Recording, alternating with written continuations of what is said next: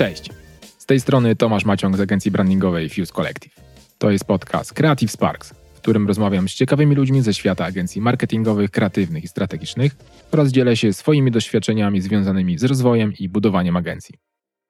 W 14 odcinku podcastu opowiedziałem o tym, jak profil idealnego klienta pozwala mi selekcjonować tych odpowiednich klientów. Jednak to, że klient przeszedł tą wstępną selekcję i ma dla nas fajny projekt, wcale nie znaczy jeszcze, że będzie się nam dobrze pracowało. Przez te lata wyrobiłem sobie niezłego nosa do tych bardziej problematycznych klientów, głównie dlatego, że od początku rozmów wyłapuję takie żółte sygnały ostrzegawcze.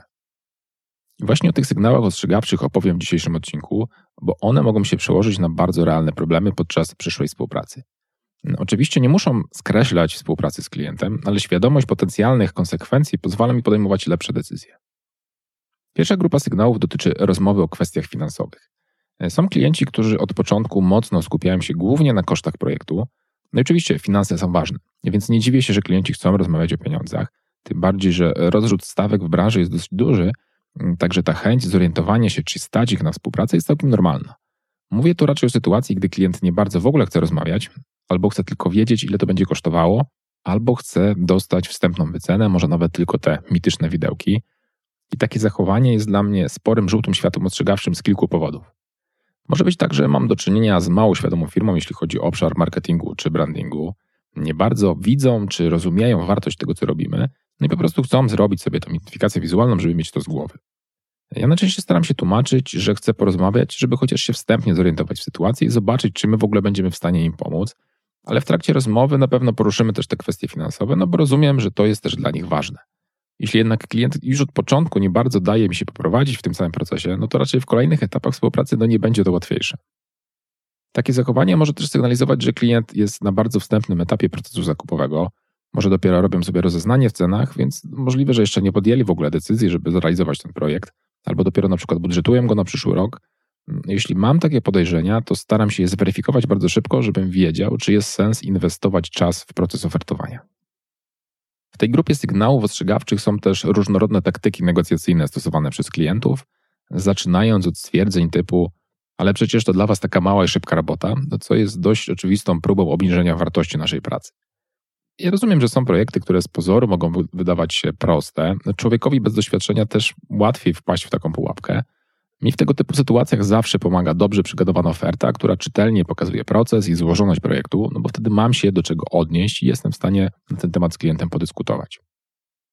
Drugą dość popularną taktyką negocjacyjną jest obietnica pracy w przyszłości.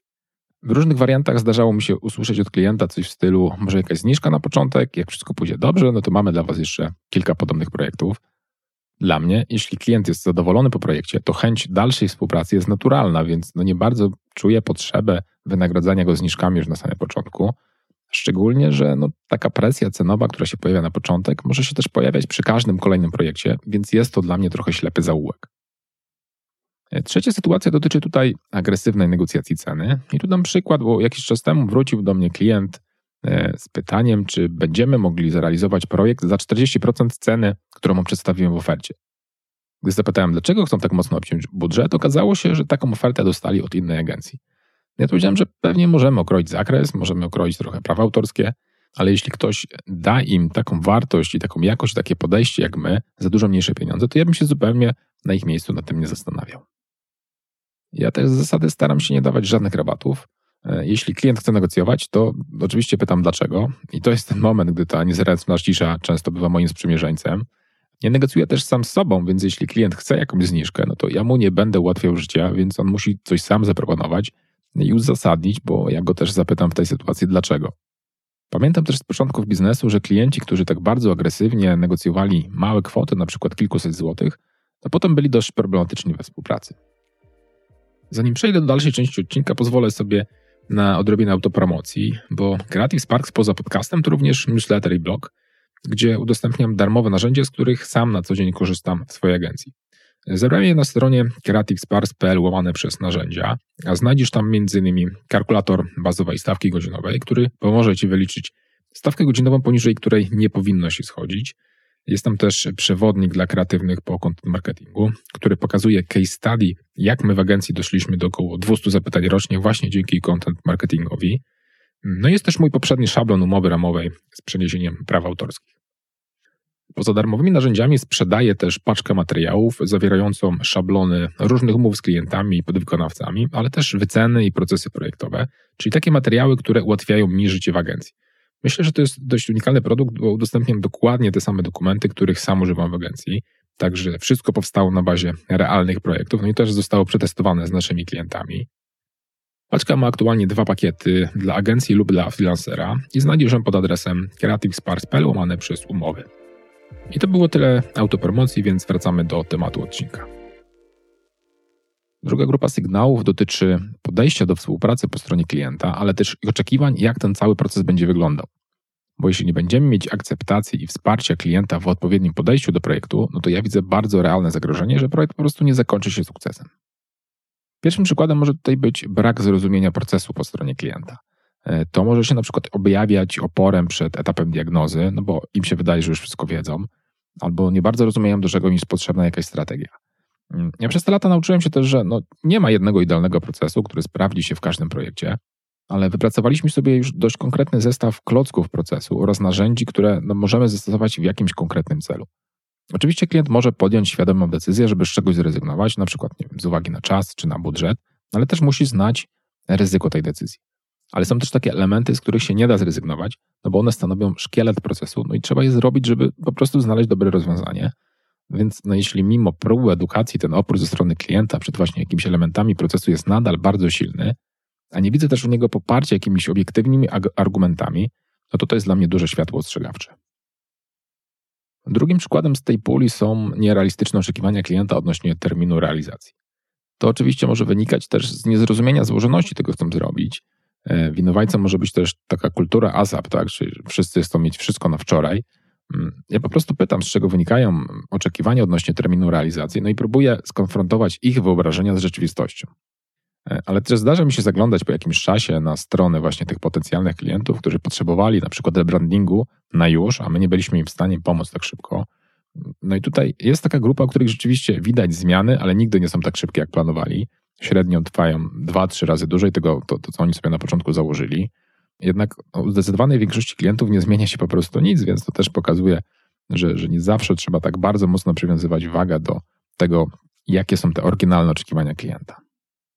Ogromnym sygnałem ostrzegawczym jest też dla mnie brak dostępu do osoby decyzyjnej. To mi się zdarzało częściej w tych mniejszych firmach, które nie mają osób dedykowanych od brandingu czy, czy nawet marketingu. E, może być też tak, że rozmawiam z osobą mniej doświadczoną, e, która od kogoś wyżej dostała właśnie zadanie znalezienia agencji, zebrania ofert. Ogólnie, jeśli zupełnie nie mogę się dobić do osoby decyzyjnej na żadnym etapie rozmów, to mi pokazuje, że ten temat może nie być dla firmy aż tak ważny, jak być powinien. Kolejny sygnał ostrzegawczy płynie od klientów, którym ewidentnie brakuje celowości działania. To znaczy, chcą coś zrobić, ale nie bardzo wiedzą dlaczego. To bardzo fajnie wychodzi podczas pierwszej rozmowy, gdy na przykład pytam o klienta o to, co go pcha do rebrandingu, albo jakie główne problemy widzi z obecnym wizerunkiem. Jeśli dostaję tutaj takie powierzchowne odpowiedzi, że nie wiem, brzydko wyglądamy albo znudziło im się logo, to też mi się zapala żółte światło ostrzegawcze. Głównie dlatego, że jeśli klient nie czuje bólu czy jakiegoś dyskomfortu, który będzie go pchał do tej zmiany, albo z drugiej strony, jeśli nie widzi szansy, że po tej zmianie jego biznes będzie działał lepiej, no to ja mam mocne obawy o jego motywację. A jeśli klient nie ma odpowiedniej motywacji, to może się na przykład zdarzyć, że będzie przeciągał kluczowe decyzje w projekcie, no bo jednak problem nie boli go tak bardzo. Potencjalne problemy wyczuwam też u klientów, u których proces decyzyjny jest mocno rozmyty. Dlatego już na początku rozmów pytam, jak się u nich podejmuje ważne decyzje. E, często nawet daję przykład takiej decyzji ważnej w projekcie, no i pytam, w jaki sposób by ją podjęli. I chyba największe problemy są spowodowane podejmowaniem takich subiektywnych decyzji opartych bardziej o preferencje czy o emocje. No bo jeśli prezesowi albo jego żonie podoba się zielony kolor, no to wcale to nie jest powód, żeby ten kolor użyć w logo. Ale jeśli zespół po stronie klienta nie bardzo wie, jak się podejmuje tego typu decyzje, a ja im w tym nie pomogłem, no to trochę jestem sam sobie winny. Mam też wrażenie, że jeśli w organizacji nie ma silnego lidera z decyzyjnością właśnie w obszarze wizerunku, to takie komitetowe podejmowanie decyzji nie jest łatwe. I to jest chyba jedna z ważniejszych lekcji, jakich doświadczyłem, gdy zaczęliśmy właśnie pracować z większymi firmami. To znaczy, zrozumiałem, jak ważne jest umiejętne prowadzenie klienta do decyzji, ale też pokazanie mu całej serii decyzji, które podjęliśmy do tego momentu. Pewne zagrożenia widzę też, gdy klient próbował już wcześniej rozwiązać problem, na przykład zrobić rebranding, ale coś nie wyszło. E, tu zawsze staram się zrozumieć, co poszło nie tak, bo jeśli klient no, nie zmienił podejścia czy myślenia o problemie, no to szanse, że tym razem się uda, są raczej małe. Trzecia grupa sygnałów dotyczy sytuacji, gdy nie czujemy się partnerem we współpracy z klientem.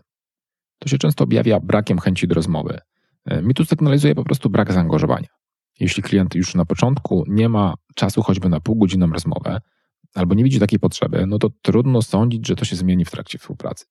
U mnie odfiltrowanie takich niezaangażowanych klientów miało sporo plus, no bo w zasadzie już nie zdarzają mi się sytuacje, gdy po ofertowaniu klient zaginie w akcji, a wcześniej to się zdarzało dość często.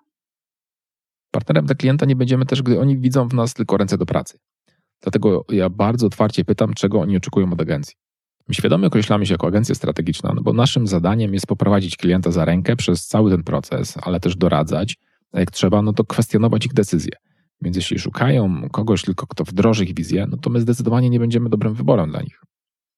Są też klienci, u których można wyczuć nieufność, y, szczególnie jeśli coś im wcześniej nie poszło z jakąś inną agencją. Y, tu zawsze zastanawiam się, czy będę w stanie zburzyć taką barierę, no bo jeśli nie, to czeka nas trudna przeprawa, szczególnie w kwestii podejmowania decyzji. Czyli tak krótko podsumowując, mamy sygnały pojawiające się podczas rozmowy o finansach, czyli mocne skupienie się tylko na kosztach projektu, stosowanie taktyk negocjacyjnych takich jak e, obietnica pracy w przyszłości, próba obniżenia wartości naszej pracy, czy po prostu agresywne negocjowanie ceny. E, kolejna grupa sygnałów dotyczy sytuacji, w której możemy nie mieć akceptacji wsparcia klienta w odpowiednim podejściu do projektu. I tu mamy na przykład brak zrozumienia i akceptacji naszego procesu, nierealistyczne oczekiwania odnośnie terminu realizacji, brak dostępu do osób decyzyjnych, niejasny lub mało przejrzysty proces decyzyjny po stronie klienta oraz jakieś wcześniejsze nieudane próby realizacji projektu. Ostatnia grupa sygnałów dotyczy scenariusza, gdy nie czujemy się partnerem we współpracy, na przykład jeśli ze strony klienta nie ma chęci do rozmowy, jeśli widzą w nas tylko ręce do pracy, albo są po prostu nieufni. Tak z perspektywy czasu mam też wrażenie, że wszystkie te zachowania zdecydowanie częściej dotyczyły mniejszych klientów z mniejszymi budżetami.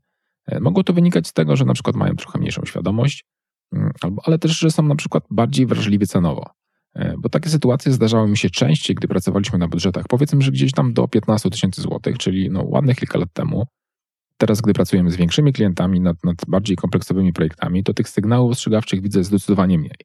Mm, ale w części to też może wynikać po prostu z bardziej świadomego filtrowania klientów, zanim jeszcze zaczniemy z nim rozmawiać, no bo na przykład już na początku widać, że nie pasują do profilu naszego idealnego klienta. I to tyle w dzisiejszym odcinku. Na blogu w notatkach do odcinka jest też artykuł, który opisuje wszystkie te sygnały ostrzegawcze, które pozwalają uchronić się przed współpracą z nieodpowiednimi klientami.